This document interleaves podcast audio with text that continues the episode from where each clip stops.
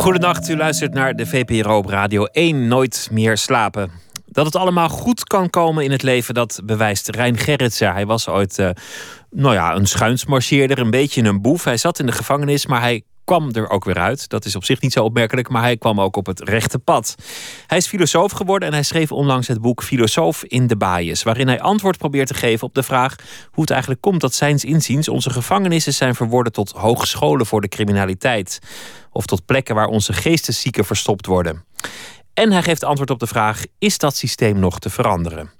Verslaggever Wim Brandt zocht hem op. Gerritsen vertelt om te beginnen waarom en hoe lang hij zelf ooit in de gevangenis zat. Na een veroordeling tot zes jaar onvoorwaardelijk heb ik 2,5 jaar daadwerkelijk gevangen gezeten. In allerlei instellingen. Eén jaar psychiatrisch. En daarna ben ik uh, filosofie en natuurkunde gaan studeren. En je hebt uh, onder meer vastgezeten. En ik zal dadelijk zeggen waarom ik dat vraag. Uh, voor een bankoverval. Ja, bankoverval, verboden vuurwapenbezit, heling en autodiefstal. Ja. Was die bankoverval geslaagd? Eén bankoverval was, geslaagd, ja. Andere mislukte. Maar één uh, hadden we destijds, was het acht ton buiten. En hoe lang heb je toen vrij uh, rond kunnen lopen?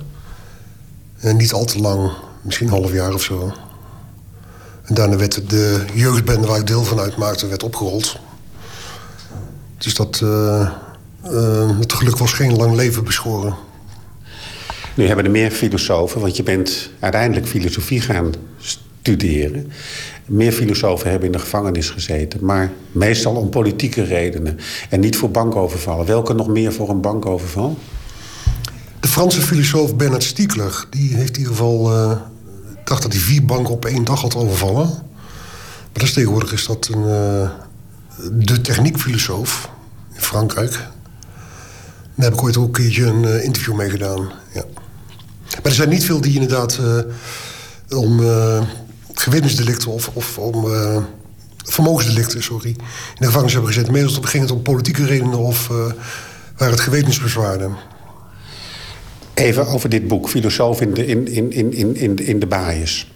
Ja. Eigenlijk is de, de, er zijn een paar vragen die je aan de hand van het boek kunt stellen. En de eerste is natuurlijk, en die stel jij ook... hoe komt het dat onze gevangenissen hogescholen voor de criminaliteit zijn geworden? De vraag is dan natuurlijk, wat versta jij daaronder? In gevangenis loop je natuurlijk altijd het gevaar van criminele besmetting. Ik bedoel, toen ik in de gevangenis terechtkwam... toen wist ik vier manieren om uh, een auto te kunnen stelen. Toen ik de gevangenis uitkwam, uh, wist ik de veertig. En dat, uh, dat is natuurlijk van oudsher al bekend... dat gevangenen, ja, die wisselen onderling informatie uit. Um, en dat leidt ertoe dat, dat je allerlei nieuwe manieren en nieuwe trucjes vindt... om de wet te omzeilen... Dus het zijn hogescholen voor criminaliteit eigenlijk. En als je dat zo zegt, oké, dan denk ik... ja, nee, dat, dat, dat, dat snap ik wel. Dan is de vraag natuurlijk... Uh, hoe komt dat? Hoe komt dat? Nou, dit lijkt een hele stomme vraag, maar hoe komt dat? Hoe het komt omdat uh, dat je dat soort dingen in de gevangenis leert. Nou, ik bedoel, gevangenis is natuurlijk de, de plek waar al die, uh, die rottigheid... en al die misdadige ideeën geconcentreerd worden op één plek. Het is eigenlijk heel onverstandig om dat te doen. Je zou het liefst zoveel mogelijk willen verspreiden. Dat niet met elkaar in contact komt. Maar juist uh, in gevangenissen is dat uh, de informatie die je niet op straat krijgt... die krijg je wel in de gevangenis. En dat is van oudsher al zo. Al twee eeuwen uh, sinds wij gevangenissen in Nederland hebben... is dat een bekend probleem. Dus ja, daar moeten we echt een oplossing voor verzinnen. Want op deze manier ehm, zet een gevangenisstraf op geen zoden aan de dijk... als dat het als het doel van uh, gevangenisstraf is uh, om criminaliteit te voorkomen, om recidive te voorkomen, dan zitten we, bewandelen we nu de verkeerde weg. Je komt vaak in gevangenissen, hè? Bijna iedere week. Nu vrijwillig, bijna iedere week. Wat doe je daar? Ik voer gesprekken met uh, lang gestraften over hoe hun leven na de gevangenisstraf weer op te pikken. Dat is de belangrijkste vraagstelling. Zij zitten met vragen hoe ze dat moeten doen vind het ook heel erg jammer dat daar geen goede voorlichting op wordt gegeven. Bijvoorbeeld in de gevangenis verlies je een hele hoop van je rechten als burger. Bijvoorbeeld briefgeheim, uh, integriteit van het lichaam. Alles soort rechten heb je niet in de gevangenis. En plotseling als je op vrije voet komt te staan, heb je die rechten. Dus bepaalde wel weer. Maar die mensen zijn niet op de hoogte van welke rechten ze nu wel weer hebben en welke niet. En ik probeer ze daar wat te vertellen over van... nou, daar kun je rekening mee houden. Ik bedoel, het is heel moeilijk om je te verzekeren na een gevangenisstraf. Dat kan bijna niet. Of je kunt je wel verzekerd worden, maar dat kost je dan vijf of zes keer zoveel... als dat het iemand anders zou kosten. Um, het is heel erg moeilijk om een relatie te beginnen als je een uh, gevangenisstraf hebt gehad. Allemaal dat soort problemen, al die praktische problemen waar die mensen tegenaan lopen... die toch heel erg belangrijk zijn om misdaad te voorkomen... als je daar een goede oplossing voor hebt gevonden. Uh, daar geef ik handrekeningen voor. Als je met het personeel praat in die gevangenissen... Hè?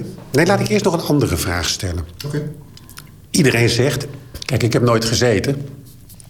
Dus ik kan daar helemaal niks verstandigs over zeggen. Maar iedereen zegt altijd, ja, die Nederlandse gevangenissen die zijn paradijselijk. Hè, wat, wat, wat, heb je allemaal wel niet? Mm En wat zeg jij dan? Dat is vaker, ja. Uh, als je gevangenissen met hotels vergelijkt, dan... Uh, als het werkelijk waar zou zijn dat onze gevangenissen op de hotels lijken... dan lag morgen onze toeristenindustrie op een gat. Omdat gevangenissen, dat zijn eigenlijk hoge drukpallen. Psychologische hoge drukpallen. Daar kun je het best mee vergelijken. Um, het leven staat zo onder stress in een gevangenis... omdat je aan zoveel regels gebonden bent. Niet alleen omdat je de wet hebt overtreden... en dus de regels van de maatschappij uh, uh, geschonden hebt... maar binnen de gevangenis zelf zijn er ook weer regels... die het leven daar uh, ontzettend bemoeilijken. Um, en dat geldt... het regime wordt steeds strenger in gevangenissen. Dat was al in de tijd dat ik in de gevangenis terecht kwam... was het al zo. Die die, dat beeld van de jaren zeventig... dat uh, waarin de gevangenen moesten resocialiseren... Dat, zijn, dat is al lang achterhaald. Dat doen we al lang niet meer. Wat is er bijvoorbeeld toen jij in de gevangenis zat? Hè? Je kwam in de gevangenis, je hebt uh, tweeënhalf jaar gezeten. Ja. Wat, wat, wat gebeurde er toen met jezelf bijvoorbeeld? Wat, als je het over karakterverandering hebt, over, en dan in het licht van criminaliteit. Mm. Wat, je, je zei al, je had het al over die manieren van auto's stelen, maar wat nog meer? Een van de meest typerende dingen, dat heb ik ook in het boek geprobeerd te beschrijven... is dat in een gevangenis ziet je eigenlijk niet als individu. Je wordt eigenlijk uh, geïdentificeerd met het delict wat je begaan hebt. Dus je bent oftewel een vermogensdelict... of je bent een geweldsdelict of een zedendelict. En die hebben allemaal, uh, maken allemaal deel uit van een bepaalde hiërarchie... in een gevangeniscultuur.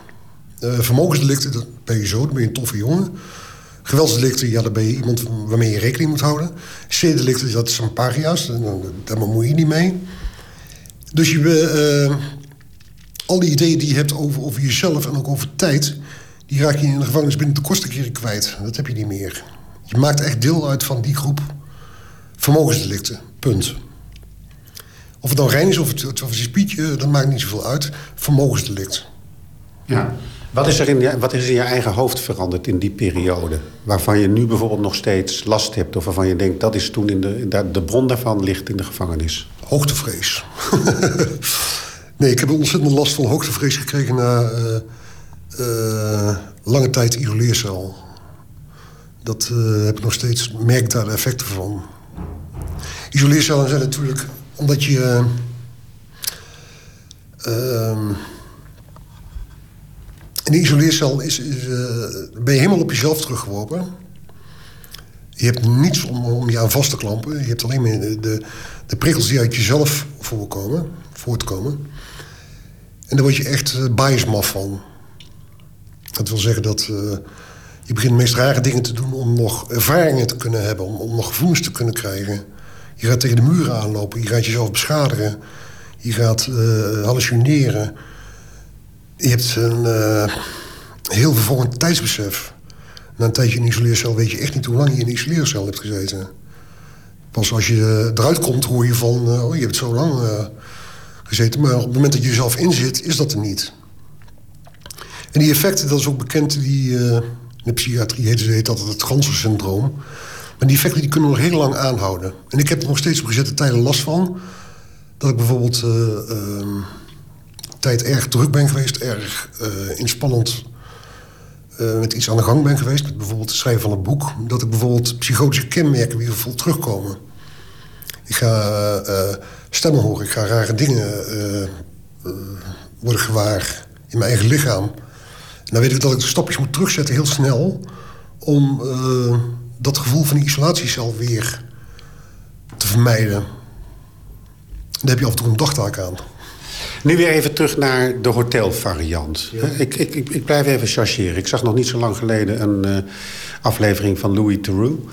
die in Amerika was, in Amerikaanse gevangenissen. En toen dacht je, oh mijn god, hoe, hoe die gevangenissen elkaar... die, die uh, zeg maar, gevangenen elkaar ook terroriseerden. Hoe ze geïsoleerd moesten worden. Hoe dat een duivels systeem werd. Ja. Dan, kun je, dan zie je dat en dan denk je, nou, gelukkig. Ik weet er weliswaar niet zoveel van, maar dat kennen wij in Nederlandse gevangenissen niet op die schaal. Hier in Nederland kennen we inderdaad niet zoals in Amerika een echt biascultuur. Maar de tendens is ook in Amerika dat uh, de straffen zijn heel erg lang. Dus die mensen die in binnen de gevangenis die worden op elkaar teruggeworpen. En meestal is dat omdat ze deel uitmaken van een bepaalde band die al buiten de gevangenis actief was. Zijn ook die bands binnen de gevangenis actief omdat er voor de mensen toch geen uh, uitzicht meer is op een uh, normaal leven na een gevangenisperiode... hebben ze alleen maar de kans om zichzelf binnen die cultuur te bewijzen. In Nederland kennen we dat gelukkig nog niet. Want als de straffen strenger gaan worden en de straffen gaan uh, langer worden...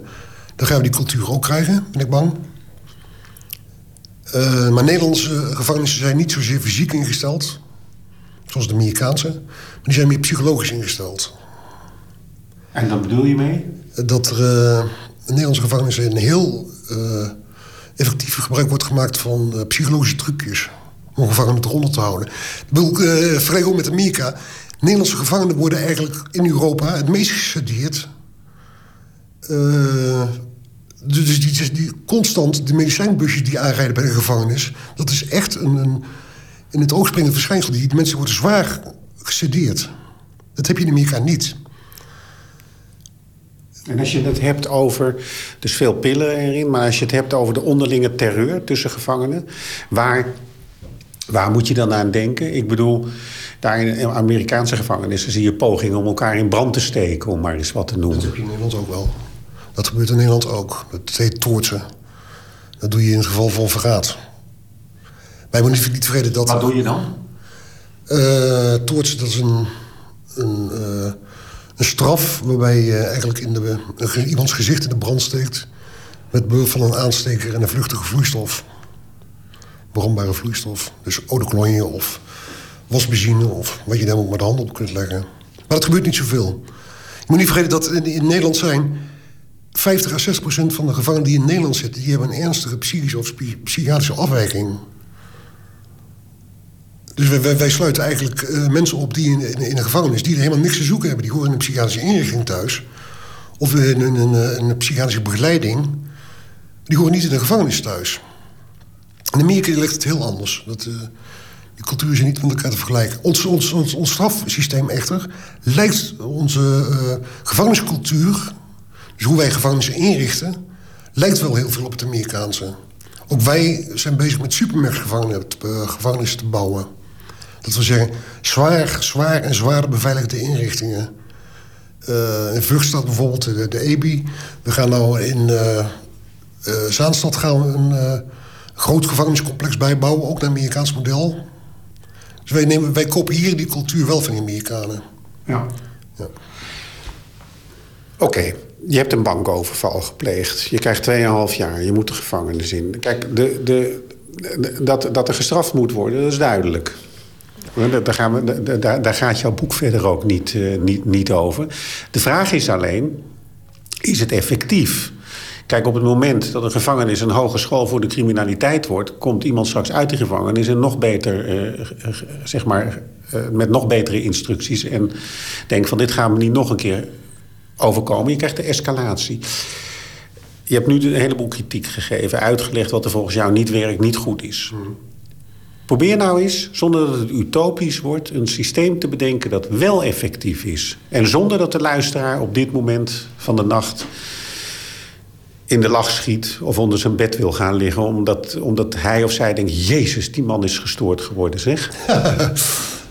nou, een, een hele effectieve methode... waardoor je al heel veel bereikt binnen de gevangenis. Kijk, we hebben een recidiefprobleem hier in Nederland van 70 procent. Gemeenterecidieven.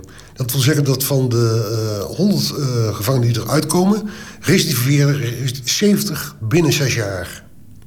Dat is een geweldig hoog, hoog aantal. Als je dat wilt uh, vermijden en je wilt echt een, een minder criminaliteit hebben... dan is het heel erg belangrijk dat je als hele kleine maatregel... dat kost niet zoveel geld... gevangenisbewaarders beter opleidt. Het probleem namelijk in gevangenissen is dat onze wetgever zich binnen de gevangenissen niet aan de wet houdt. Mensen mogen niet uh, langer dan twee weken uh, in de isoleercel zitten. Ik ken een jongen die zit al een jaar. Ik ken iemand die, zit, die heeft vijf jaar gezeten. Om... Wacht even, iemand, je kent iemand die een jaar zit. Hoe ken je die? Uh, door mijn gevangenisbezoeken. Ik zit, elke week zit ik in een gevangenis en ik hoor heel veel verhalen. En die kan ik dan ook al meestal wel verifiëren bij directeuren. Maar je ziet dus dat dat wet... wacht even, dit interesseert me, want het mag niet. En dat kun je aan zo'n directeur dan vragen. En wat zegt die dan? Nou, de directeur zal het meestal uh, ontkennen, maar je kunt het uh, terugvinden via de klachtenprocedures die zijn ingediend bij de uh, Raad voor Strafrecht en Jeugdbescherming. Daar kun je wel die klachtstuk in terugvinden. Dan kun je ook meestal aan de hand daarvan kun je bepalen hoe reëel het is geweest. Of er is een rechter geweest die heeft, heeft daar een uitspraak over gedaan. Ik, bedoel, ik weet het geval van Baybazin, een, een, een Turkse man die hier levenslang uh, zit in Nederland. Die heeft meer dan vijf jaar isolatie gehad. Dat mag niet, dat is tegen de wet. Sommige gevangenissen die gebruiken tot voor kort muurboeien. Is strikt tegen de wet, dat mag helemaal niet. En mijn punt is van, als je mensen als wetgever niet op de correcte manier behandeld binnen de gevangenis... waarom zou die gevangene dan de wet nog serieus nemen?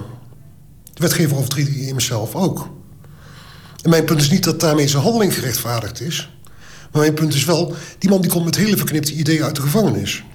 En juist daarin kun je heel veel betekenen om dat te veranderen. Je moet sowieso op een gegeven moment zeggen... Um, patiënten horen niet in de gevangenis thuis. Punt. Die mensen worden er niet behandeld. Daar bestaat de expertise niet voor. Daar hebben ze de mankracht niet voor. Die komen onbehandeld weer op straat. Wat gebeurt er dan? Wat kunnen die mensen doen? Die gaan weer recidiveren. Mensen horen niet. Mulderklantjes. Uh, we sluiten per jaar 25.000 mensen op... op basis van een verkeersboete. Die krijgen gevangenisstraf opgelegd en gijzeling. Die mensen hebben niks in de gevangenis te zoeken.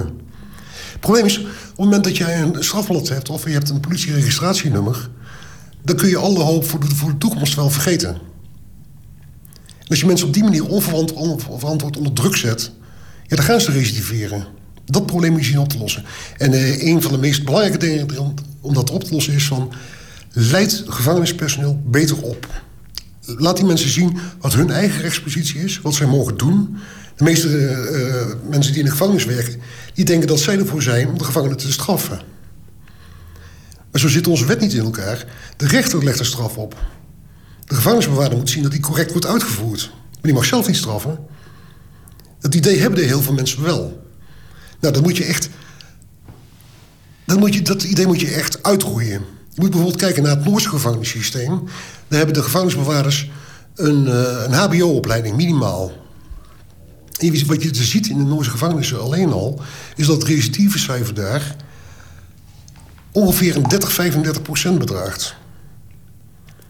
Dat is, dat ten aanzien van Nederland is dat, zijn dat schrikbarende cijfers.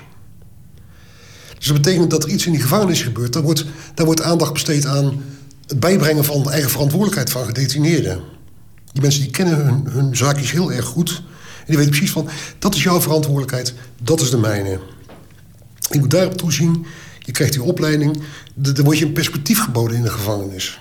Als je daar je tijd nog steeds rottig uit, uithaalt... ja, sommige mensen zijn onverbeterlijk. Klaar. Maar je kunt een hele hoop bereiken. de meeste mensen die in de gevangenis zitten... die zitten heus niet omdat ze dat zo graag willen... of omdat ze zo graag criminaliteit willen bedrijven. Die zitten daar omdat ze uh, van zichzelf denken... dat ze in een uitzichtloze positie verkeren. En daar kun je wat aan doen. Direct. En dat kun je ook doen uh, als... als verantwoordelijk politicus moeten zeggen van... ontwikkel nou eens een keertje een visie... waarom je mensen straft en hoe het moet gebeuren... en wat je dan na je tijd verwacht... hoe die mensen weer in de samenleving kunnen terugkeren. En waarom denk jij dat die visie ontbreekt? Omdat uh, gevangenissen en gevangenen... Uh, de gevangenissen en de gevangenen zelf de laatste die werden eigenlijk altijd beschouwd in de geschiedenis al als een soort tweede of derde rangs mensen. Dat zijn eigenlijk geen mensen meer. Hè, wat achter die hoge muren gebeurt, dat uh, onttrekt zich het oog van, van de publieke opinie. Dat weet niemand wat van wat er achter die gevangenismuren gebeurt. Dus waarom zouden we ons daar zorgen over maken? We hebben alleen als politiek te maken met uh, creëren een veilig gevoel onder de burger. Bij de burger. Hè? Uh, dat zie je wel, wij, wij straffen strenger. Wij doen wat aan criminaliteit. Daar doen we helemaal niks aan. We sluiten alleen mensen op. Dat is niet zo moeilijk. Nog even tenslotte over de, over de, uh, met betrekking tot de geschiedenis hè, van het gevangeniswezen. Ooit was het ondergronds. Toen kreeg je Jeremy Bentham, die heeft gezorgd dat de gevangenissen bovengronds kwamen. Koepelvormig, met een soort totale controle. Politica, ja. ja. Wat is de centrale denkfout daarin? Want kijk, het is, het is zonder twijfel dat mensen die iets gedaan hebben gestraft moeten worden. Maar het moet wel effectief zijn. En het moet niet zo zijn als ze eruit komen dat ze nog uh, heftiger gaan toeslaan. Wat is de essentiële denkfout? Uh, essentiële denkfout is dat. Uh, er bestaat een heel verkeerd beeld van de menselijke natuur. Um, het mensbeeld wat wij van gevangenen hebben, is dat dat het de homo hostilis is geworden. Het is de vijandige mens. Het is de mens die tot alle kwaad geneigd is. Ja, dat, zitten religieuze ideeën zitten erachter, er zitten wetenschappelijke ideeën zitten erachter. Je zult ook zien in het gevangeniswezen dat er de hele tijd golfbewegingen ontstaan van. Um, uh, gaat het goed met de economie? Dan zijn we liever tegenover, eh, tegenover onze gevangenissen. Zijn ze uh, plotseling wel voor verbetering vatbaar. Gaat slecht met de economie? Dan zijn onze gevangenen niet voor verbetering vatbaar. Dan hoef je er ook niks, geen geld te investeren, daar hoef je niks aan te doen. En dat is een heel raar vervormd mensbeeld. Uh, gevangenen zijn net zoals iedereen, het zijn gewoon mensen. De, de, de, de anderhalf, twee procent die de echte uh, deel uitmaken van ernstige criminaliteit... ja, daar moet je inderdaad passende maatregelen opnemen. Dat kun je als maatschappij niet tolereren. Maar de rest hoort niet in de gevangenis thuis. Daar moeten we een, andere creatieve oplossing voor bedenken. Het gaat ook niet om genoeg doen voor het slachtoffer. Hoezo moet het een genoegdoening opleveren voor het slachtoffer? Die heeft geen idee wat er in gevangenissen gebeurt. Het slachtoffer, uh, uh, zijn angst wordt ook niet weggenomen, want of het slachtoffer nou uh, op, laten we zeggen, of dader nou na één jaar vrijkomt of na twee, dat vermindert de angst bij het slachtoffer niet. Dus voor het slachtoffer maakt het ook niet zoveel uit. Het slachtoffer is er veel meer mee gebaat om met daders in gesprek te gaan. En je ziet het ook in de samenwerkingen met uh, slachtoffers en daders. Is dat als slachtoffers te horen krijgen dat, dat zij uh, niet zozeer het persoonlijke doelwit waren van de dader, maar meer het gelegenheidsobject. Dan zie je dat meestal gepaard gaat met een geweldige opluchting. Dus waar ik, waar ik echt een grote voorstander van ben, is van je moet juist die openheid zoeken. Moet een dialoog creëren tussen gevangenen en, en slachtoffers.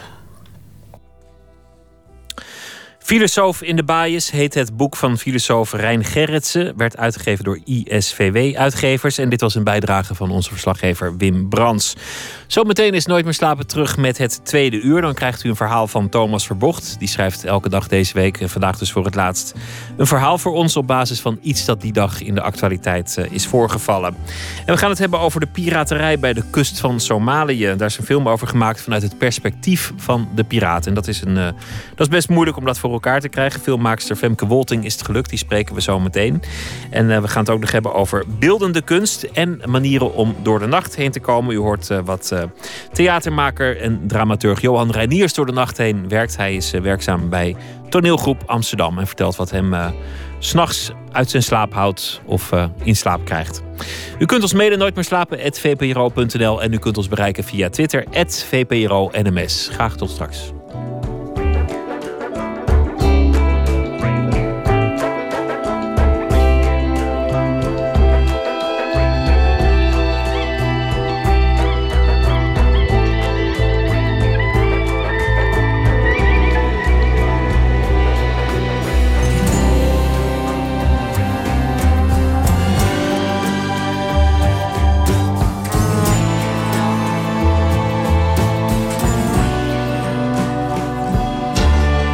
Radio 1. Het nieuws van alle kanten.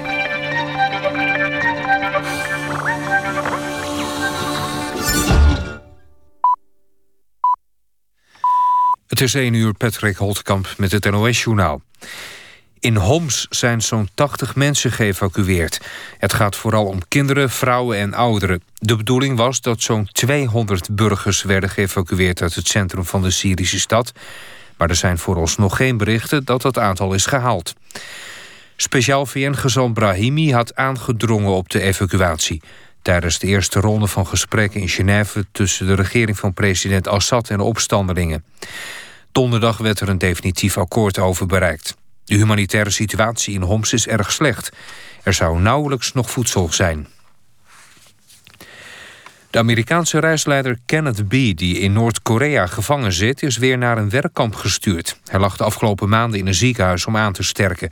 Hij was sterk vermagerd. B. werd in 2012 opgepakt toen hij als reisleider met vier toeristen... een bezoek bracht aan Noord-Korea. Hij wordt ervan beschuldigd dat hij met vijandige bedoelingen het land binnenkwam.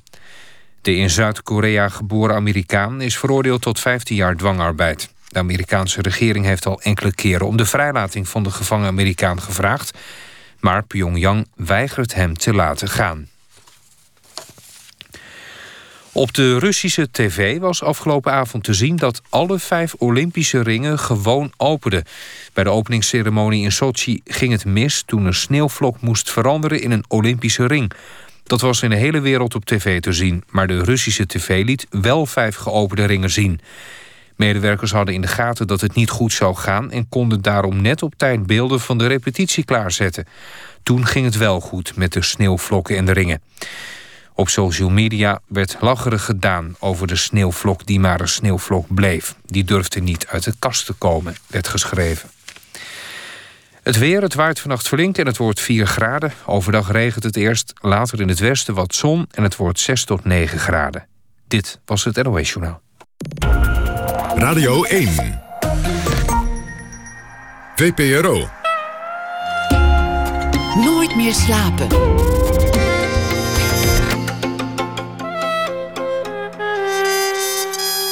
Met Pieter van der Wielen. Welkom terug bij Nooit meer slapen. Wir sind das Gedächtnis. Beelden over teutonen, nazi's en andere referenties aan de Duitse geschiedenis. Krijgt u zo meteen, want dat is uh, het onderwerp van een expositie van Jasper de Beijer. Hij is uh, schilder. En we gaan het uh, hebben over manieren om de nacht door te komen. Die krijgt u vandaag van iemand uit het theater. Want ook theatermakers liggen s'nachts nog wel eens wakker. En dat Gaan we zo meteen bespreken. Maar we beginnen met Thomas Verbocht. Hij is de schrijver die deze week elke dag voor ons een verhaal schrijft op basis van de actualiteit. Hij is romancier. Hij heeft een boek geschreven, Het Eerste Licht boven de stad. Dat momenteel in de winkels ligt. En nog heel veel andere boeken, romans, verhalen, toneelstukken en columns, noem maar op. Thomas, goeienacht. Goeienacht Pieter, hallo. Wat heeft je vandaag bezig gehouden? Nou, ik, uh, het is niet helemaal fictie, maar het is wel een onderdeel van, van, van een boek dat ook dat aan het ontstaan is. Uh, ik zal het voorlezen, dan weet je meteen waar het over gaat. Oké. Okay. Vanochtend kreeg ik meteen een goed humeur toen ik in de Volkskrant een foto zag van de Beatles. Die foto is van 9 februari 1964, morgen 50 jaar geleden. Ze zijn voor het eerst in Amerika. Ze treden op in de Ed Sullivan Show. Een programma waarnaar meer dan 70 miljoen mensen kijken. Ed Sullivan staat ook op de foto.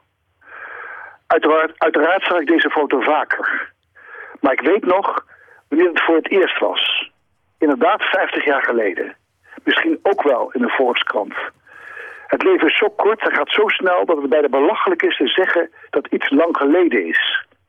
Je hoeft maar over je schouder te kijken en je ziet jezelf 50 jaar terug. En ik weet, en ik weet zelfs nog wat ik dacht. Ik dacht, nu is de wereld van de Beatles. Misschien dacht ik dat niet, misschien zei mijn moeder het. Doet er niet toe. Het gaat om de sensatie.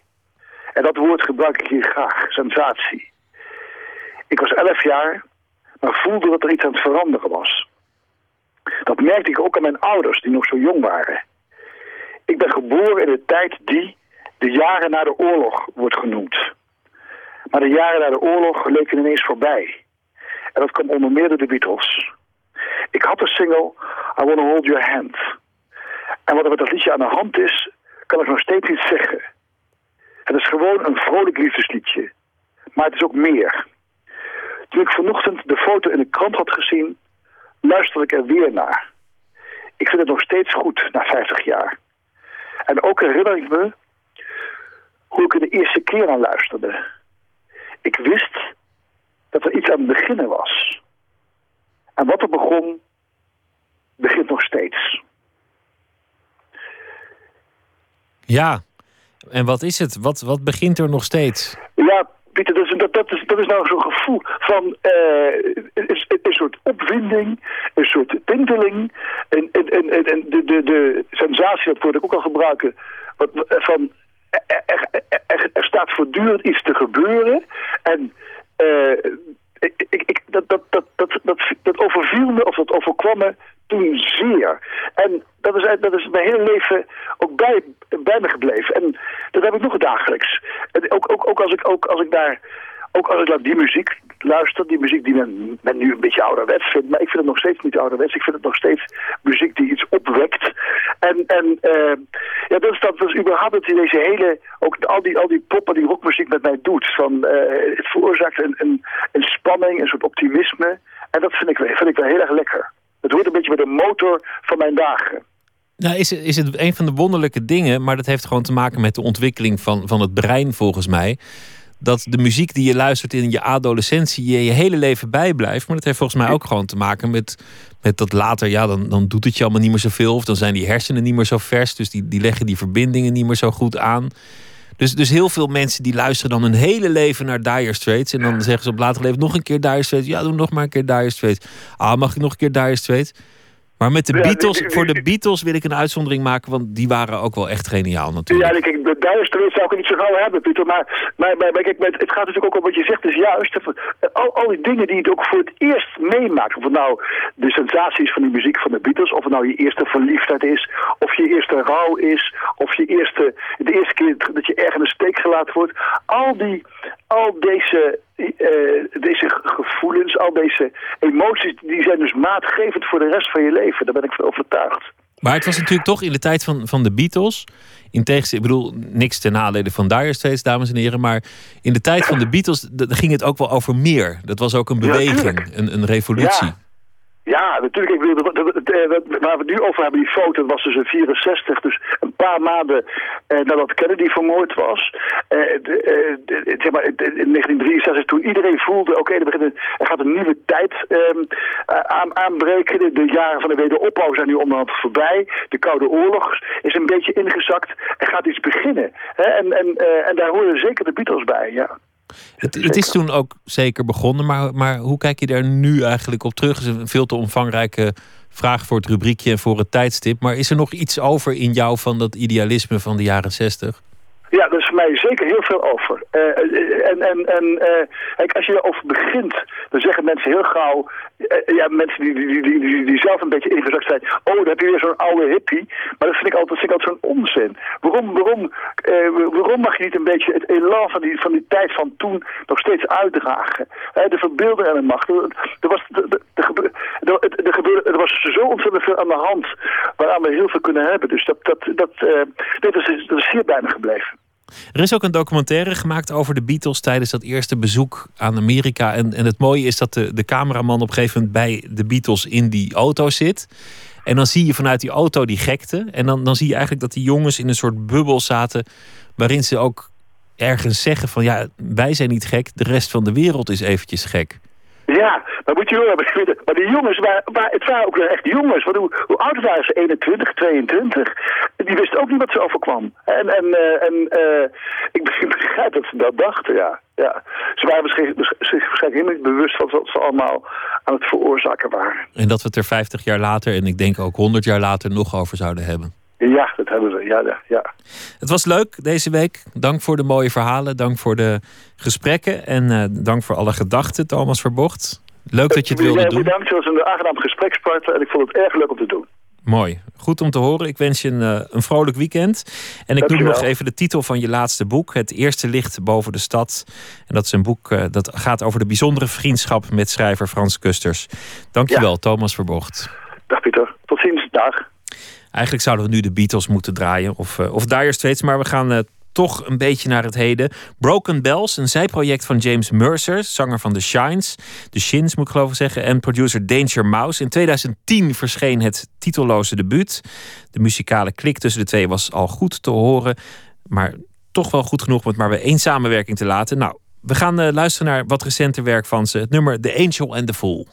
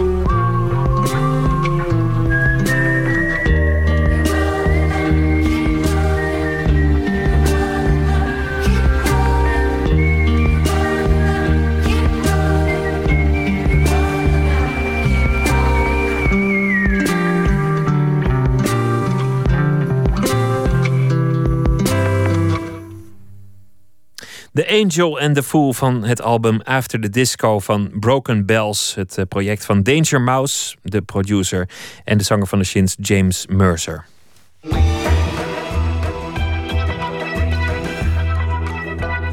U luistert naar de VPRO Radio 1, het programma Nooit meer slapen. Zelden worden vanwege de moeilijke omstandigheden films of documentaires gemaakt in Somalië. Toch waagde filmmaakster Femke Wolting samen met haar Amerikaanse collega Tommy Palotta zich aan een documentaire over Somalische piraten. En dan gefilmd vanuit het perspectief van de piraat. En dat is nog gelukt ook. Last Hijack werd een mix tussen animatie en gefilmd materiaal. De film ging vanavond in première op het Wereldfestival van de Film in Berlijn.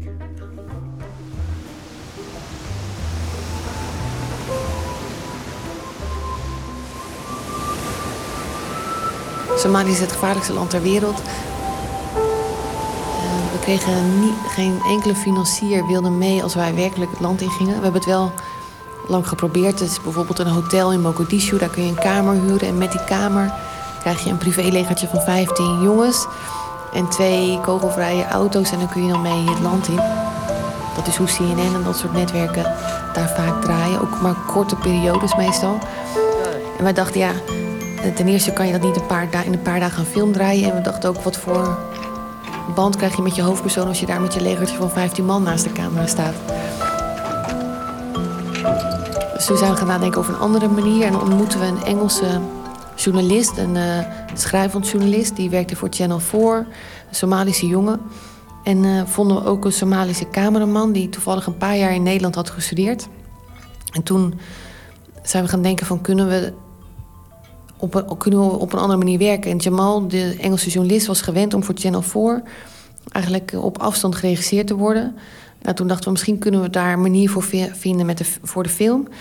En zijn we met hem en met de cameraman in Amsterdam eerst films gaan kijken, in Amsterdam gaan draaien, om een manier van draaien te vinden die we wilden. Hebben we heel veel uitgeschreven natuurlijk, um, scènelijsten, shotlisten, interviewvragen en al dat soort dingen.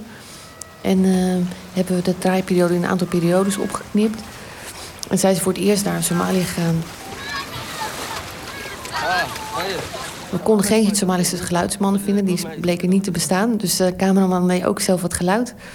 En um, um, waren we eigenlijk gewoon de hele dag aan de telefoon. Dus hij werd om zeven uur s ochtends. zei hij van, nou, we zijn net wakker. Mohammed uh, is gaat aankleden, hij wil naar de kapper. Wat denk je, wat zullen we doen? En dan bedachten we een plan.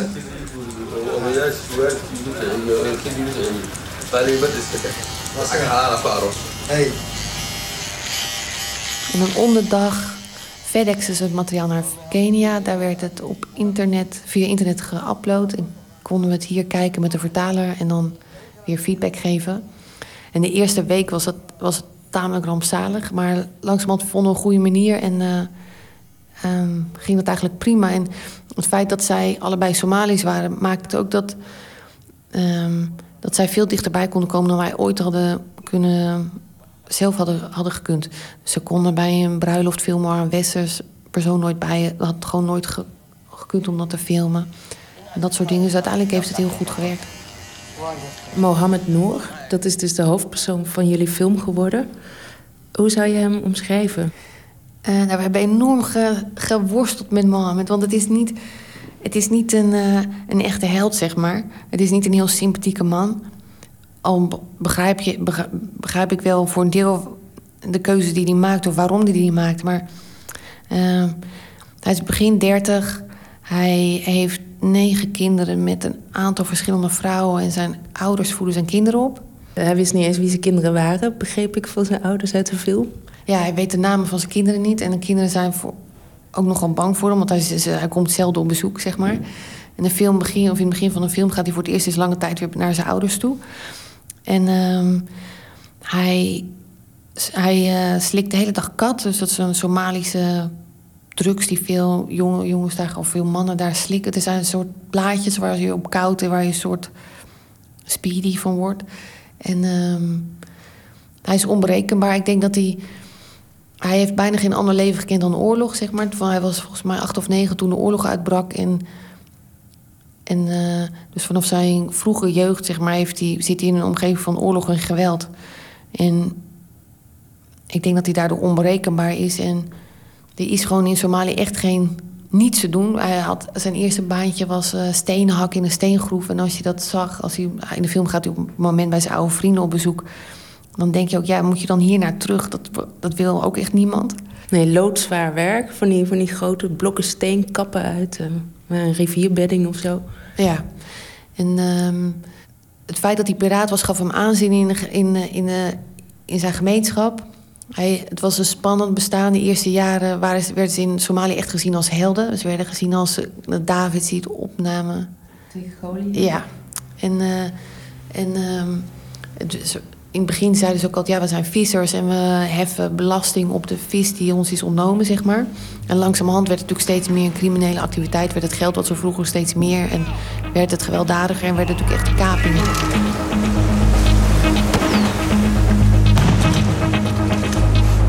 Het zijn ook allemaal gewoon jonge jongens die een spannend leven willen... drugs nemen, in een soort spiraal van geweld terechtkomen... en eigenlijk ook verder geen enkel alternatief hebben. Wat zo opmerkelijk is en wat, wat de film ook ontzettend spannend maakt, zeker in de, de eerste helft, is uh, als kijker ben je er gewoon bij dat een nieuwe kaping wordt gepland. hoe hebben jullie dat voor elkaar kunnen krijgen? Dus je ziet een soort bende, dus zijn vrienden of collega's. En samen plannen ze gewoon een nieuwe kaping. Ja, nee, dat, is, dat was super bijzonder dat, dat Mohammed ons dat toeliet, zeg maar. Hij was denk ik... Het is een mix van bravoure. Dat hij, hij is ook trots op dat feit dat hij piraat is. En hij zegt ook ergens in de film van toen ik piraat werd... toen uh, niemand noemde me meer idioot... maar ik was opeens iedereen's vader of vriend geworden... of beste vriend geworden. En, uh, en hij heeft een, altijd als we, aan, als, we, als aan het filmen waren... er zijn altijd jonge mensen... iedereen wil ook piraat worden. Dus hij gaat naar de kapper. De kapper vraagt, mag ik ook mee met je volgende kaping? Hij gaat bij zijn oude vrienden op bezoek. Die willen ook allemaal mee. Iedereen wil ook aan de ene kant een stukje van het geld... en, um, en de roemen, weet ik veel. Aan de andere kant um, is de samenleving in Somalië steeds meer zich tegen de piraten gaan keren. Um, soms de filmcrews bekogeld met stenen. Konden moeilijk op straat filmen, omdat mensen gewoon niet... zijn het gewoon zat dat Somalië geassocieerd wordt alleen maar met piraterij. En, en, uh, en ze hebben natuurlijk gemerkt dat... Uh, of lang, een hele generatie mannen is gewoon verdwenen. Is, uh, zit in, of in de gevangenis waar ook ter wereld... of is gewoon niet meer terugkomen, omgekomen op zee. Want vaak kunnen die jongens niet zwemmen. En veel mensen, ze komen gewoon, ook veel jongens komen om. Of ze zijn verslaafd en, de, en laten hun vrouw in de steek. Dus daar, daardoor zijn, is, um, zijn die piraten echt niet populair meer. Somali pirate, this is the last ship you should be thinking of trying to board. Eleven suspected pirates apparently mistook a French naval ship for a commercial vessel, and according to the French Defense Ministry, prepared for attack. But this was the answer. Hands up, surrender. Thus, French commandos Veel van jouw werk gaat over um, nieuwe media, de toekomst van televisie, uh, innovatie, technologie. Je hebt ook een film gemaakt over Victor en Rolf, ik noem maar even wat. Hoe kwam je opeens op het idee om een film over Somalische piraten te maken? Nou, Tom en ik zaten televisie te kijken. Volgens mij, we zagen die van die, van die nieuwsbeelden die ons ontzettend fascineerden. Van die hele kleine bootjes. En die, tegenover die enorme olieschepen. En dat vond ik zo'n krachtig beeld. En we werden nieuwsgierig eigenlijk, gingen een beetje researchen. En uh, vonden dat er zo'n heel ander verhaal over de piraten te vertellen was... wat je eigenlijk helemaal niet in de mainstream media las of zag. Over het feit dat de Somalische zeeën zijn leeggevist door de westerse uh, vissersvloten. Over afvaldumping in de zeeën daar. En allemaal dat soort dingen. Daar werden we door geïntrigeerd. En eigenlijk klikten we pas echt met het onderwerp toen we gingen nadenken over animatie. Want Tommy en ik hebben allebei wel ook in eerder veel met animatie gewerkt. En toen we dachten van. Piraterij is natuurlijk super filmisch idee, maar heel moeilijk om echt te filmen. Omdat het moment van een kaping kun je eigenlijk natuurlijk bijna niet bij zijn. Dat is een criminele activiteit. Um, dus dat ben je eigenlijk strafbaar als je daar überhaupt bij bent. Er zijn wel mensen geweest die hebben met mobiele telefoons op zo'n schip gestaan, maar dat is toch iets anders dan echt een film maken. Dus dachten, als je animatie gebruikt, dan kun je die momenten verbeelden waar je nooit echt bij kunt zijn. Dus in het begin dachten we er zo over, maar toen we langer met de film bezig waren, toen eigenlijk verschoof dat en werd die animatie steeds meer manier om uh, het subjectieve beeld van, of wereld, de, de, manier waarop die jonge Mohammed naar de wereld keek te verbeelden. En zijn dromen en angsten, en terugblik naar de oorlog waar hij in is opgegroeid, en, maar ook terugblik naar eerdere kapingen te verbeelden. door die animatie in een hele schilderachtige stijl krijgt het bijna een soort mythologische lading. Het is veel meer dan invullen van iets wat je niet had kunnen filmen. Het is ook een beetje sprookjesachtig. Ja, dus eigenlijk dat feitelijke ging er steeds meer af. En eigenlijk werd het meer, steeds meer impressionistisch of subjectief. Werd het steeds meer dat we gewoon in zijn hoofd probeerden te komen... om te bedenken van hoe zou hij zich hebben gevoeld. En dat is natuurlijk voor een deel fictie, want dat is onze fantasie geweest, zeg maar de gebeurtenissen die je ziet in de animatie zijn wel. Weet je, het is wel gebaseerd op verhalen die we van Mohammed hebben gehoord. De manier waarop die. Het moment dat de oorlog uitbrak, bijvoorbeeld. Of de manier waarop hij zijn eerste kaping plaatsvond, dat soort dingen. Maar de verbeelding daarvan hebben natuurlijk. Dat is wel deels onze fantasie geweest. Dus het is een beetje. Het is een mengvorm. Het documentaire laag. Dus echt het gefilmde materiaal is echt documentair. En de animatie is. Um, is dat niet het is gewoon andere op, weet je, documentaires van oudsher kijken naar de werkelijkheid zoals die voor de camera is. In een speelfilm heb je natuurlijk al langer dat steeds meer in film gemanipuleerd beeld is. Wat niet gemaakt is voor. Wat je, niet wat je ziet voor de camera, maar in postproductie gemaakt is in effect of animatie of een combinatie daarvan. En het leuke is dat je dat nu in documentaire natuurlijk ook kunt doen. En uh, dus dat documentaire niet meer alleen de objectieve waarheid hoeft te laten zien, maar ook een subjectief verhaal kan vertellen. En dat wordt langzamerhand ook meer geaccepteerd. Want het was misschien tien jaar geleden nog een no-go. Want er moest alles echt zijn. En wat het natuurlijk ook niet was. Maar... Ja, precies. Kijkers zijn mensen zijn natuurlijk ook meer gewend. Omdat, omdat op televisie en in een film dat natuurlijk al veel langer gebeurt. En, uh, en ook gewend zijn aan het feit dat er, ja, inderdaad, dat er niet zo'n documentaire is natuurlijk altijd een mythe dat je de waarheid vertelt, zeg maar, over wat er, als je precies filmt, wat er voor de camera gebeurt. En uh, ik denk, dit neemt het, is dan weer net een stap verder. Die uh, animatiefragmenten die maken hem voor mijn gevoel een stuk sympathieker dan in de filmbeelden. Dan vond ik hem ook een beetje een opportunistisch mannetje die eigenlijk wel een beetje leiding gaf en de boel regelde, maar zelf uh, in deze fase van zijn leven in ieder geval niet meer echt gevaar liep. Hij ging volgens mij ook niet mee de zee op. Nee, ik denk dat hij niet per se love is. Ik denk dat het gewoon een manier is waarop je carrière maakt daar als piraat, zeg maar. Dus je bent, klimt hoger op en dan heb je een ander soort rol. Um, maar toch die animatiefragmenten, die, die maken hem een heel stuk zachter. Bijna soms een beetje dromerig. En uh, je gaat dan ook veel meer van zijn motieven begrijpen. Want ben je hem echt gaan begrijpen uiteindelijk? Um, ik ben wel gaan begrijpen, zeg maar. Ik heb geprobeerd te begrijpen wat hem dreef en waarom hij die keuze maakt. Want het is gewoon nogal iets om. Als je, die, als je ziet hoe klein die bootjes zijn, het feit dat de meeste jongens niet kunnen zwemmen. Ze uh, de zee opgaan met voldoende benzine om uh, een aantal dagen op zee te varen, maar soms ook niet eens om terug te komen. Dat is gewoon een enorm risico. Dat neemt niemand voor niks, zeg maar. Um, als je zeg maar de armoede ziet en de uitzichtloosheid daar, dan begrijp en dat je één, één jongen zegt, één, één andere jongen die dan ook graag piraat wil worden, die zegt ook van ik heb geen eten voor mijn kinderen. Ja, dan begrijp ik dat je zo'n dat je misschien zo'n keuze maakt. Maar ik, het maakt niet dat ik hem. Ik vind geen sympathieke man per se. En ik denk wel in de. We vonden. Wij wilden graag in die animatie een soort. ook een groter beeld van Somalië laten zien van, de, weet je, van hoe hij die afgelopen twintig jaar uh, beleefd heeft. Somalië is een field state, er is geen overheid, er is helemaal niet, er zijn geen, uh, er is geen politie, er zijn geen ziekenhuizen, er zijn geen scholen, er is werkelijk niets, zeg maar. Als hij uh, in een auto rijdt, op een gegeven moment reed hij over een rotonde, reed hij linksom. En het is gewoon er zijn geen verkeersregels, er is gewoon helemaal geen enkele organisatie van wat dan ook, zeg maar. En dat is ik denk dat is voor ons heel moeilijk om te begrijpen hoe dat echt is. Tegelijkertijd, ondanks al die oorlogsellende, gaat het, leek het mij ook heel erg een, een jongen die gewoon. En daardoor wordt het heel erg herkenbaar en ook heel universeel.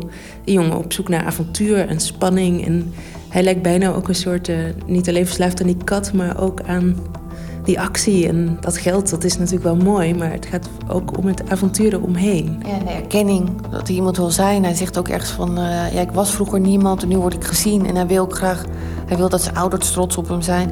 Het is ook, uh, we vonden het leuk om juist dat familieleven te laten zien, omdat dat dat inderdaad ook universeel maakt. Het is inderdaad ook gewoon een jongen die de verkeerde pad op gaat en zijn ouders die wanhopig proberen hem weer terug te krijgen. En uh, een andere keuze willen laten maken en dat toch niet lukt. Ja, het is, het bijna jongens hier uit de grote stad zouden ook. Ja, het is bijna een herkenbaar verhaal daardoor.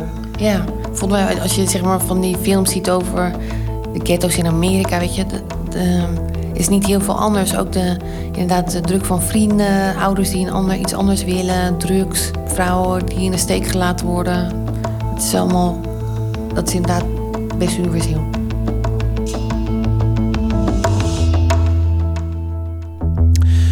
U hoorde Femke Wolting in gesprek met Emmy Collau. De film is vanaf april in de Nederlandse bioscopen te zien. En ook komt er een speciale website met het interactieve verhaal van een kaping. En dan kun je als kijker steeds eh, schakelen tussen het Somalische en het Westerse perspectief. Dus dan kun je op het ene moment de schipper uithangen en het volgende moment ben je even de kaper. Kun je het van twee kanten bekijken. Uit Utrecht komt de band I Am Ook. En dat is het alter ego van singer-songwriter Thijs Kuiken. Vorige week kwam een nieuw album uit. Niet helemaal nieuw. Hij nam de liedjes al een keer eerder op, in 2008. Toen op een CDR, nu op een LP en een CD of downloaden. Of nou ja, zie maar hoe je het doet. I Am Ook heet het nummer en het liedje heet, nee, heet de band en het nummer heet Firm Hands.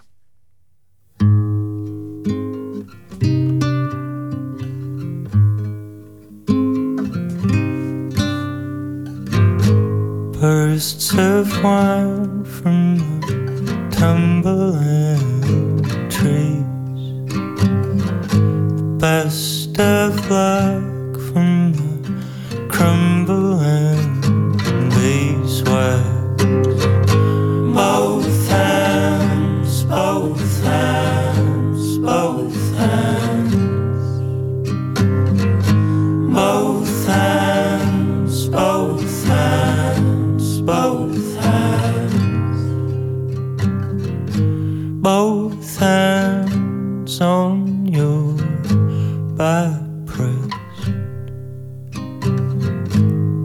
Both knees on the back deck.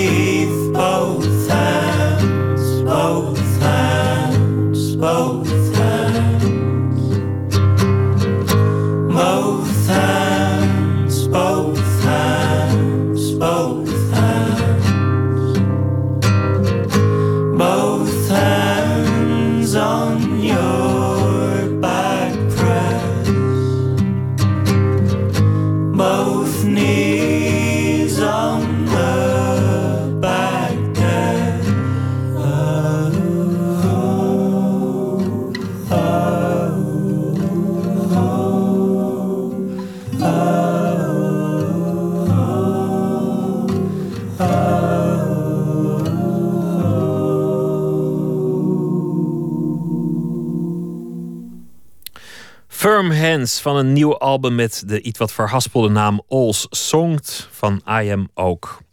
In de rubriek Door de Nacht vertellen mensen wat hen door de nacht heen sleept als de slaap niet wil komen en ze toch wat tijd eh, te doden hebben.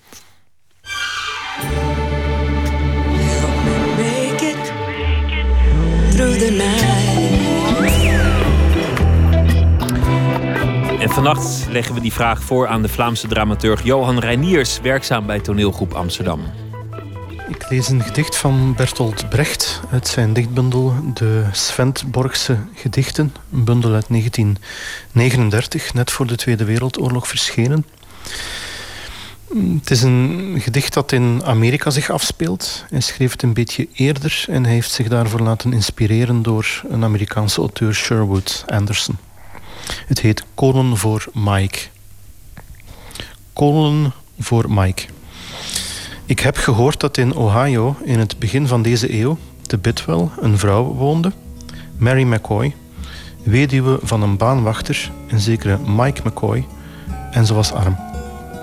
Maar elke nacht vanuit de denderende treinen van de Wheeling Railroad wierpen de remmers een klomp kolen over de schutting in haar moestuin en schreeuwden met rauwe stem in het voorbijrijden: Voor Mike! En elke nacht, als de klomp kolen voor Mike tegen de achterkant van de hut sloeg, stond de oude vrouw op, kroop slaapdronken in haar rok en zette de klomp kolen opzij. Het geschenk van de remmers aan Mike, die dood was, maar niet vergeten. Zo stond ze lang voor de ochtendschemering op en verborg haar geschenken voor afgunstige ogen, opdat de remmers geen last zouden krijgen bij de Wheeling Railroad.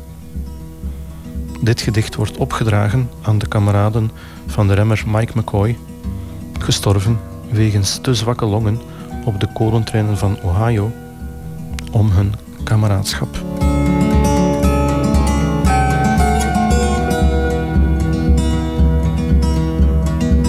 Een jaar of ondertussen 25 geleden zijn. Ik was nog, nog erg jong, ik was nog student.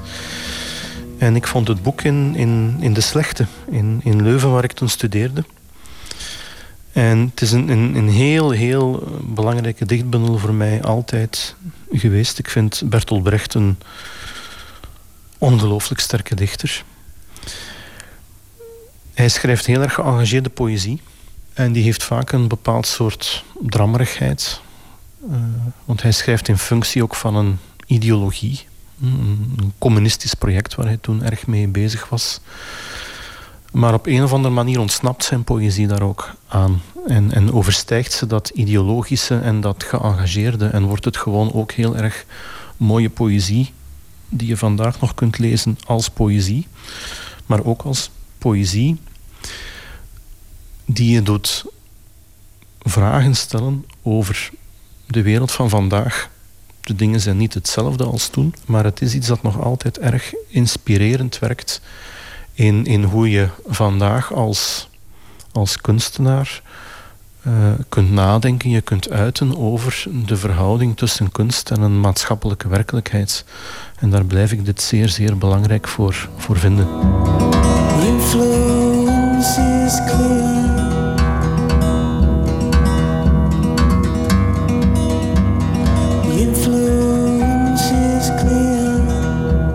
Ja, wat, ze, ze, ze, roepen verschillende dingen bij mij op. En, en, en, en dat zijn dan soms heel erg uh, uh, sentimentele of naïeve dingen. Uh, dat geef ik graag toe. gevoelens van, van opstand.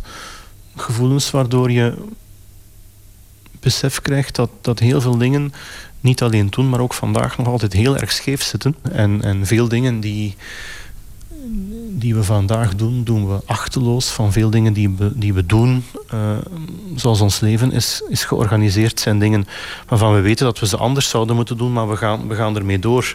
En, en teksten als die van Brecht en van veel andere kunstenaars uh, zijn nog altijd teksten die, die, die ons als het ware oproepen tot verandering. En zelfs al is het maar een heel klein beetje, daar, daar gaat het wel om. En met die kleine beetjes kunnen we, kunnen we verder.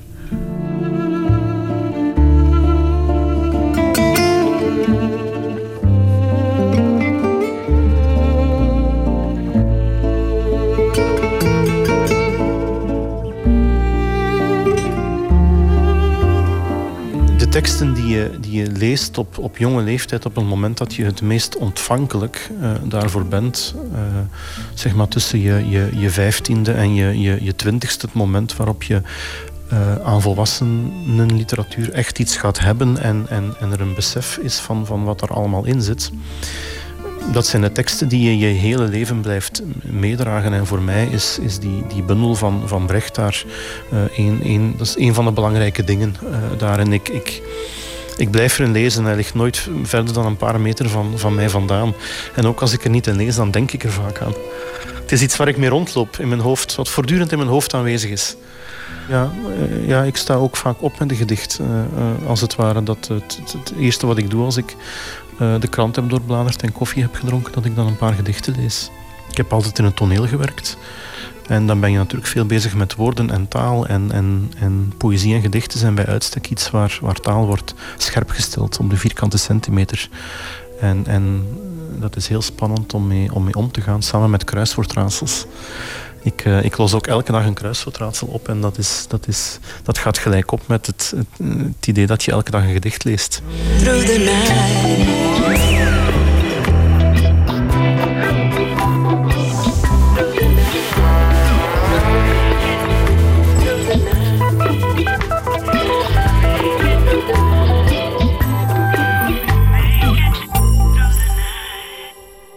Johan Reiniers was dat werkzaam bij toneelgroep Amsterdam. Hij is uh, van oorsprong.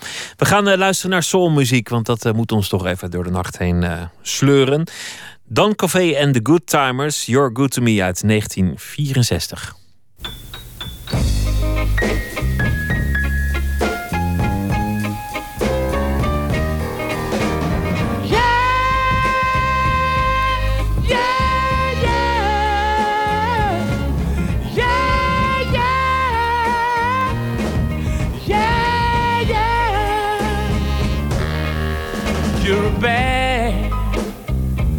Little girl, it's true.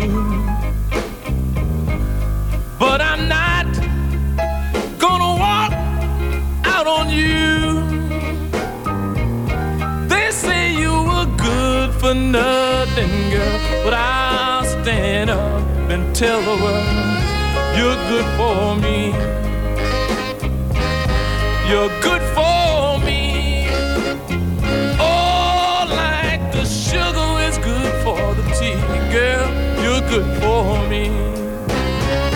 tell you something. You do two wrong It's for every right. You put salt in my coffee just for spite. You're not even good for yourself. You're no good for nobody else, but you're good for me. Let me tell you again, you're good for Sugar dumpling, can't you see, girl? You're good for me. And I just got to hum about it. Come on now. Yeah, yeah.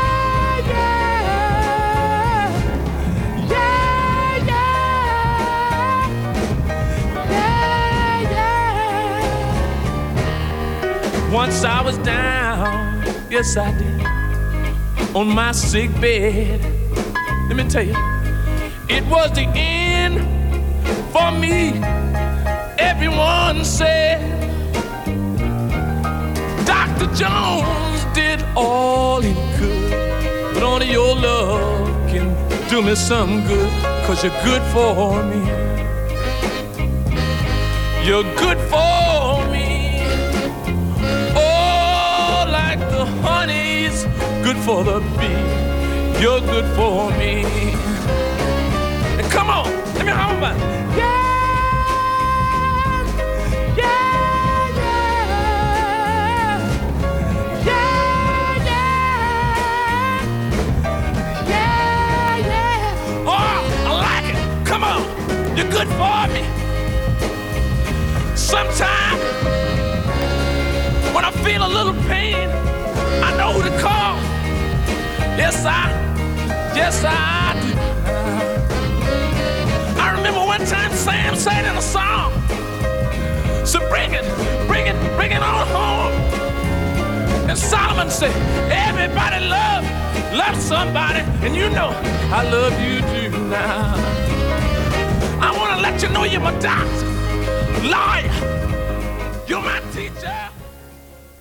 Je bent mijn dokter en mijn leraar. Ja, dat iemand zo blij kan zijn met zijn geliefde. Dat is toch eh, leuk om te horen. You're Good To Me van Don Covey en The Good Timers.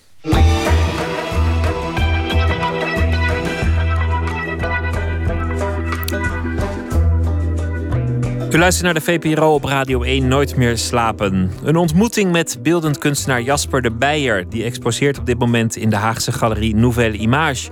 Met een serie van zes grote fotocollages onder de naam Wir sind das Gedächtnis. Wij zijn de herinnering. Het zijn geconstrueerde beelden van een volstrekt vreemde wereld. met daarin allerlei verwijzingen naar de geschiedenis van Duitsland. Hierbij valt op dat de Beijer speelt met de tijd. Verslaggever Anton de Goede bezocht samen met de kunstenaar de galerie in Den Haag. en probeerde het werk te begrijpen en er een vinger achter te krijgen. Jasper, we gaan zo meteen een ruimte opzoeken waar het iets minder galmt dan hier. In dit, eh, want dit is te zeer badkamergeluid. Maar laten we eerst vragen toch waar we hier naar kijken. Wat voor werk staan we hier voor? Ehm, we kijken naar een van de foto's uit eh, mijn laatste serie... Wir sind das Gedächtnis. En we kijken naar een hele grote foto van een standbeeld... wat in een eh, bos is geplaatst. En het standbeeld staat niet op een gewone uh, stenen sokkel... maar die sokkel is opgebouwd uit verschillende stukken bouwmateriaal... boomstammen, oliedrums, betonnen pijpen, stukken hout noem maar op. En daarbovenop uit allemaal verschillende kleine stukjes hout een hele grote figuur gezet. Ik denk dat het hele ding wat bij elkaar zo'n 15 meter hoog is. Ja, de afbeelding is, nou, ik denk ongeveer 2 meter hoog. Hij hangt hier aan de muur, ja. achter glas. Het is, wat voor, het is een, een, een, print, een foto? Ja, het is een fotoprint. Dus dat betekent dat hij wel, niet dat een print gedraaid wordt... maar dat hij dus echt wel afgedrukt wordt zoals een foto afgedrukt wordt. Dus hoezeer ik ook, wat ik ook doe in mijn carrière... ik blijf altijd fotograaf zolang ik op dit papier blijf printen. Het is gefotoshopt. Ja, het is volledig uh, gefotoshopt, ja. Jasper de Beijer knipt en plakt met foto's van nu en vroeger... om ze erna om te smeden tot post-apocalyptische schetsen... uit de verzonnen toekomst, was de tekst van Merel Bem in de Volkskrant. Ja. Heeft ze het goed? Uh, ja, dat heeft ze heel goed gezegd. Dat klopt als een bus. Laten we apart gaan zitten op een rustige plek beneden in de galerie... omdat het geluid daar iets beter is. Ga je mee?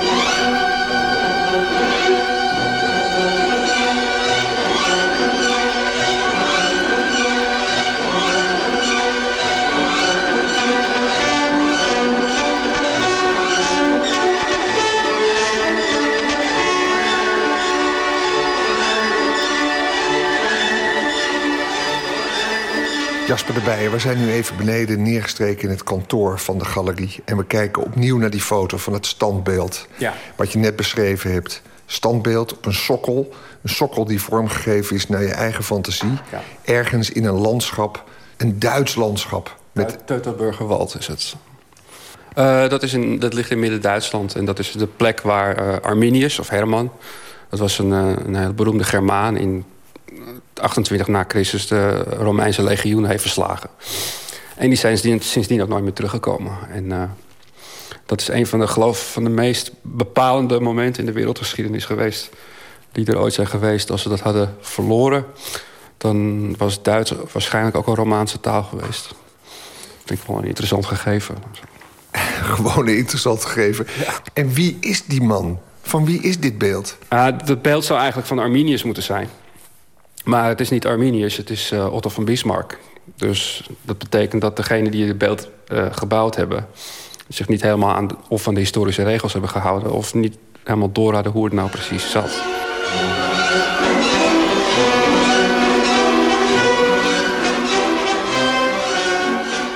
Niet helemaal doorhebben hoe het precies zit. Jasper de Beijer roept in zijn werk voortdurend dat gevoel op. Vast staat wel dat zijn beelden een situatie weergeven waarin de wereld in puin ligt en er hard gewerkt wordt aan een wederopbouw. In zes grote fotocollages worden de puinhopen in kaart gebracht en wordt gewerkt aan een wederopbouw. Kernvraag bij Jasper de Beijer: wat bepaalt wie we zijn? Wat bepaalt onze herinneringen? Of, in zijn woorden, wat bepaalt onze culturele identiteit? Precies met deze vraag maakte hij eerder een reis door Polen en Duitsland. Ik had vaak dat idee in mijn hoofd over die verloren culturele identiteit. Uh, toen ik had gehoord over, uh, over uh, de vrouwenkirche in Dresden... die dus steen voor steen werd herbouwd. En toen kwam ik een beetje op het idee van het vervangbare van die culturele identiteit. En toen heb ik besloten om langs al die plekken die zo'n grote rol hebben gespeeld... niet per se in de Tweede Wereldoorlog... maar ook bijvoorbeeld in de vorming van het Pruisische Rijk... de vorming van het Duitse Rijk, de Eerste Wereldoorlog, noem maar op. Uh, daar heb ik gewoon een hele grote rondreis door gemaakt. Uh, overal foto's gemaakt. In totaal is van 6000. En die foto's zijn eigenlijk het bouwmateriaal... Waarmee al die beelden gemaakt zijn. Dus alles wat je ziet staan, zo'n vaatje... of zo'n blokje hout of een boomstammetje... dat heb ik allemaal zelf gefotografeerd... en er een soort textuur van gemaakt... En dus in het 3D-programma over die constructie heen gelegd. Daardoor krijg je echt een boomstammetje.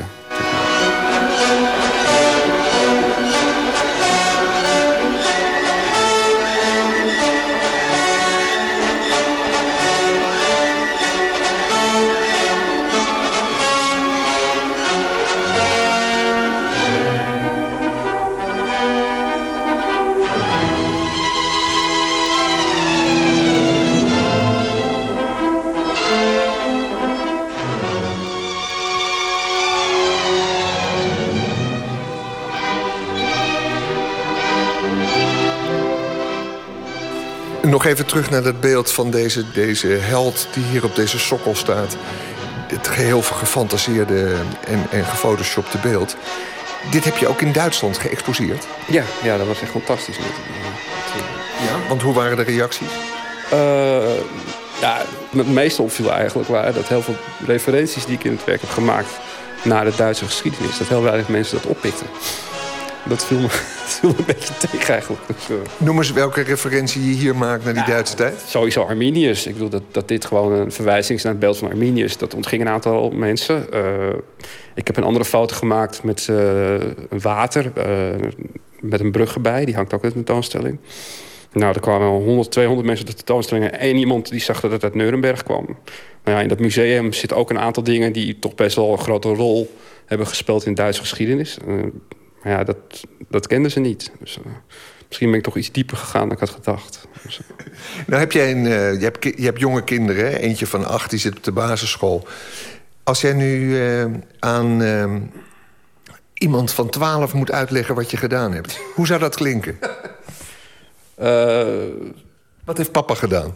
Ja, dan moet, dan moet ik eerst uitleggen wat er in Duitsland is gebeurd. En vanuit die optiek moet ik dan zeggen van... nou ja, stel je voor eh, dat wij dat nu zouden moeten doen. Dat wij nu, jij en ik, dus mijn zoon en ik nu... dat wij nu samen alleen een schoffel en een hamer in onze handen hebben... en we wel die rommel voor ons neus liggen. Ik bedoel, wat zouden we bouwen? Ja, dan zou die ook zeggen, nou, we willen een kerk... we willen een brug, we willen een café. Hoe gaan we dat dan doen? Ja, met de spullen die hier liggen, weet je wel. Het is eigenlijk hetzelfde als op de crash gebeurt. Er liggen allemaal speelgoed in de hoek... en dan gaan we maar het kasteel van bouwen. Wat dat betreft lijkt het er wel op. eh. dat is ook de aanpak die ik gekozen heb. Alle spullen die je ziet in die foto's... dat zijn allemaal spullen die ja, niet verder dan 100 of 200 meter... van de, van de plek eh, afkomen van waar het is gebouwd. Behalve die kathedraal. Was er ook ongemakkelijkheid in Duitsland? Raar toch, zo'n Nederlander die dan aan de slag gaat met, met, met het fantaseren van hun geschiedenis? Nee. Helemaal niks. Ja, of ze zeggen het niet tegen me. nee, helemaal niet zelfs. Het was heel erg zo van, nou ja, we sn- we snappen heel goed eh, wat je bedoelt. En zij snappen ook, kijk, ik ben eigenlijk over de Eerste en de Tweede Wereldoorlog heen gestapt. Dus in feite heb ik een, stap genomen vanaf 1890 ongeveer naar nu. En dat is ook een beetje het hele beeld waarnaar verwezen wordt in die hele serie. Is de, de periode 1890, 1900.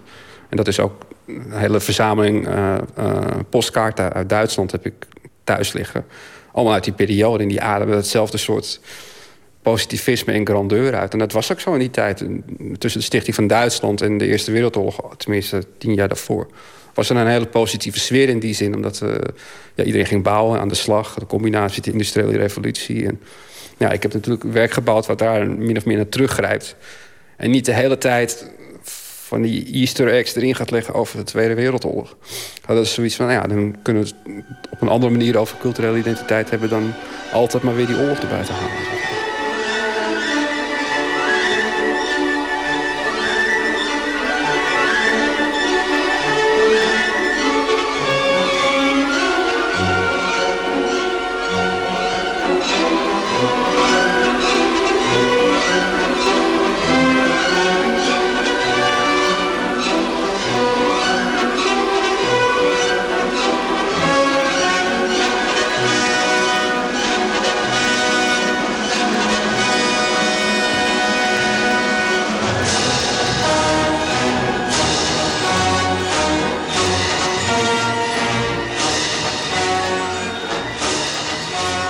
En je zegt nu net eh, in, een, in een bijzin in Dresden, grote kathedraal... Ja. die dus in de oorlog geheel vernietigd is. Heel Dresden werd toen gebombardeerd. En wat trok jou in die kathedraal? Nou, die kathedraal die bestaat, bestaat die nou wel of bestaat die nou niet? Ik bedoel, hij is eh, uit elkaar gevallen. Eh, alle stenen, ik heb daar foto's van gezien hoe ze dat hebben gerestaureerd. Ze waren pas volgens mij in 2001 of 2001 klaar mee. Eh, hadden ze gewoon een hele lange rekken neergezet. En al die stenen hadden ze naast elkaar gelegd. Allemaal genummerd. Op een gegeven moment wisten ze welke steen waar lag van die kathedraal. En zo hebben die als grote puzzel hebben ze hem weer in elkaar gezet. Dus ja, wat, wat is dan een kathedraal? Dat is dan eerst is het een stapel stenen. Of nou ja, eigenlijk eerst, eerst, eerst is het een kathedraal. Dan is het een stapel stenen. En dan is het weer een kathedraal. En ja, is dat nog hetzelfde ding? Heeft het nog dezelfde identiteit? Ik bedoel, heeft het nog die betekenis? Ik bedoel, mensen die hechten daar kennelijk heel veel aan... dat die precies zo moet zijn zoals hij was. En ook van hetzelfde soort steen. Ook. En dat vind ik wel, nou, ja, op zijn gezag gezegd nogal bizar. Ja, wat is het bizarre dan? Nou, ik hoorde, ik had het daar met iemand over in Duitsland. En die vertelde dat in Japan heb je. Er bestaat dat idee helemaal niet van het bewaren van dingen. Je hebt daar een hele grote tempel staan bijvoorbeeld. Nou, die komt dan naar 1200, ik zeg maar wat. Uh, iedere keer als het hout gaat rotten, vervangen ze dat gedeelte van het hout voor een nieuw stuk hout. Als dat stuk steen op een gegeven moment uit elkaar valt, vervangen ze dat stuk steen een ander stuk steen. En zij zeggen gewoon van. De identiteit van dit gebouw is gewoon de wijze waarop de architect het heeft bedoeld. Zo houdt het gewoon intact. En het kan ons niet schelen hoe oud het hout is. Het kan ons wat schelen over ja, hoe dat gebouw eruit ziet. Maar ja, dat zie je ook bij Japanse prints. Dat is ook hetzelfde idee. En dat herdrukken de hele tijd van die dingen. Nou ja, ik heb wel eens gehoord iemand die, die filosofeerde dat er eigenlijk geen steen meer bij de Amsterdamse grachtengordel is die uit de 17e eeuw komt, omdat elke steen wel eens een keertje is vervangen. Maar wat is het? Wat, zou alles kunnen kloppen, ja. Maar, maar, maar, maar, wat is daar eigenlijk mis mee? Daar is, nee, daar is helemaal niks mee. Maar het, het, het geeft eigenlijk aan dat het, dus, het is een hol ding Het is een beeld. Je, je, je, je pak je vast aan een beeld van hoe het zou moeten zijn. En kennelijk ben je dus op zoek naar de ziel van een gebouw of iets... of dat verleden dat niet meer echt bestaat waar je toch bij wilt komen. Ik las een tekst op Facebook van jou, net afgelopen week... dat je zei, ik zou graag in een uh, tijdmachine stappen. Toen dacht ik, in welke tijd zou je willen belanden? favoriete periode dat ik wel een keer zou willen zien... als ik letterlijk als een reiziger op vakantie zou dan naar eind 19e eeuw willen gaan of zo. Dat lijkt me wel een interessante periode. Waarom? Nou, positivisme, wat er, wat er uitstraalde. Er was ook een hele, echt zo'n hele cluster aan uitvindingen die achter elkaar werd gedaan... waardoor iedereen het gevoel had dat de sky the limit was. Dus er was echt een heel erg... Het futurisme uit ontstaan natuurlijk. Lijkt ook een beetje op deze tijd. Van, eh, nou, oké, we kunnen als, als we staal hebben en beton... en we hebben benzinemotoren, en we hebben elektriciteit en gloeilampen... dan kunnen we eigenlijk... is de wereld gewoon uh, niet groot genoeg. Dus, uh... Jasper de die dus eh, de, de, geschiedenis bezingt. En eigenlijk ook de Duitse geschiedenis. Maar het is niet het bezingen van de geschiedenis, toch? En zeker die Duitse geschiedenis die zo gecompliceerd... en zo verschrikkelijk en zo noodlottig is, is, is geweest. Ja, bezingen kan je het niet noemen. En verlangen daarnaar ook niet.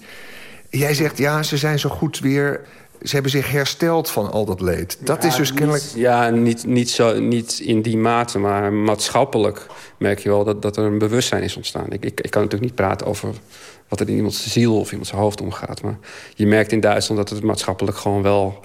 Uh, er is heel uitvoerig over besloten, uh, uh, hoe zeg je het, besproken. En het heeft ook heel duidelijk een rol gekregen in de Duitse geschiedenis. Maar wat het heel groot probleem is voor de Duitse geschiedenis... is bijvoorbeeld, noem bijvoorbeeld Wagner.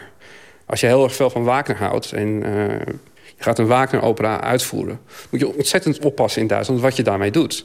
Want Wagner zit indirect weer gekoppeld aan Adolf Hitler. Dus die Duitsers hebben het probleem dat al, al het voorwerk tot 1914... dus vanaf 1875 ongeveer... Ja, dat neigt allemaal een beetje naar uh, die tijd van Willem II toe en zo. Dus daarom grijpen ze ook vaak terug naar middeleeuwse gebruiken...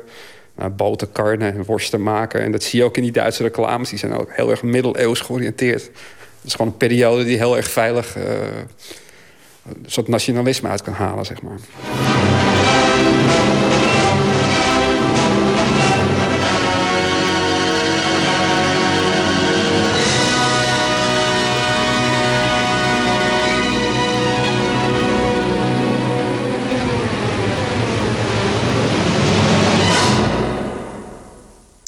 En met uh, de muziek van Wagner eindigde deze reportage over de fotoserie van beeldend kunstenaar Jasper de Beijer te zien in Galerie Nouvelle Image te Den Haag.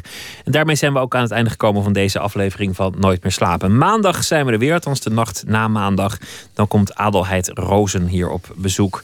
En straks uh, gaat de VPRO verder met het programma Woord. Frank Jochemsen is al aangeschoven. Het thema is uh, vintage en daar ben je geloof ik ook een beetje op gekleed. Oh, dank je. Ja. Dat is heel fijn. Ja, nee, ja, vintage, dat, uh, dat noemden we vroeger tweedehands, geloof ik. Oh. Dus ja, uh, vintage, bedoel tweedehands. Ik niet, bedoel ik niet onaardig. Oh, ja, nou ja. Nee, maar daar is ook niks op tegen. Ik bedoel, ik Nee, precies, want het is heel hip, juist vintage. Ja, maar dat, ja, dat is ook weer zoiets. Ja, dat, dat, ik deed het al voordat het hip was, krijg je dan natuurlijk. Nou ja, het geldgebrek. Nee, maar, dat is ook weer onzin trouwens. Nee, maar we gaan, we gaan rommelmarkten op, uh, idiote verzamelaars.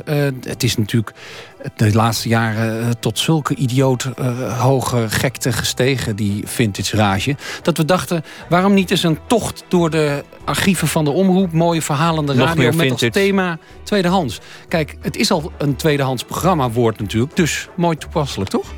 Heel veel plezier daarbij bij VPRO Woord met Frank Jochemsen over het uh, thema vintage. Ik wens u nog een hele mooie nacht en morgen een leuke dag.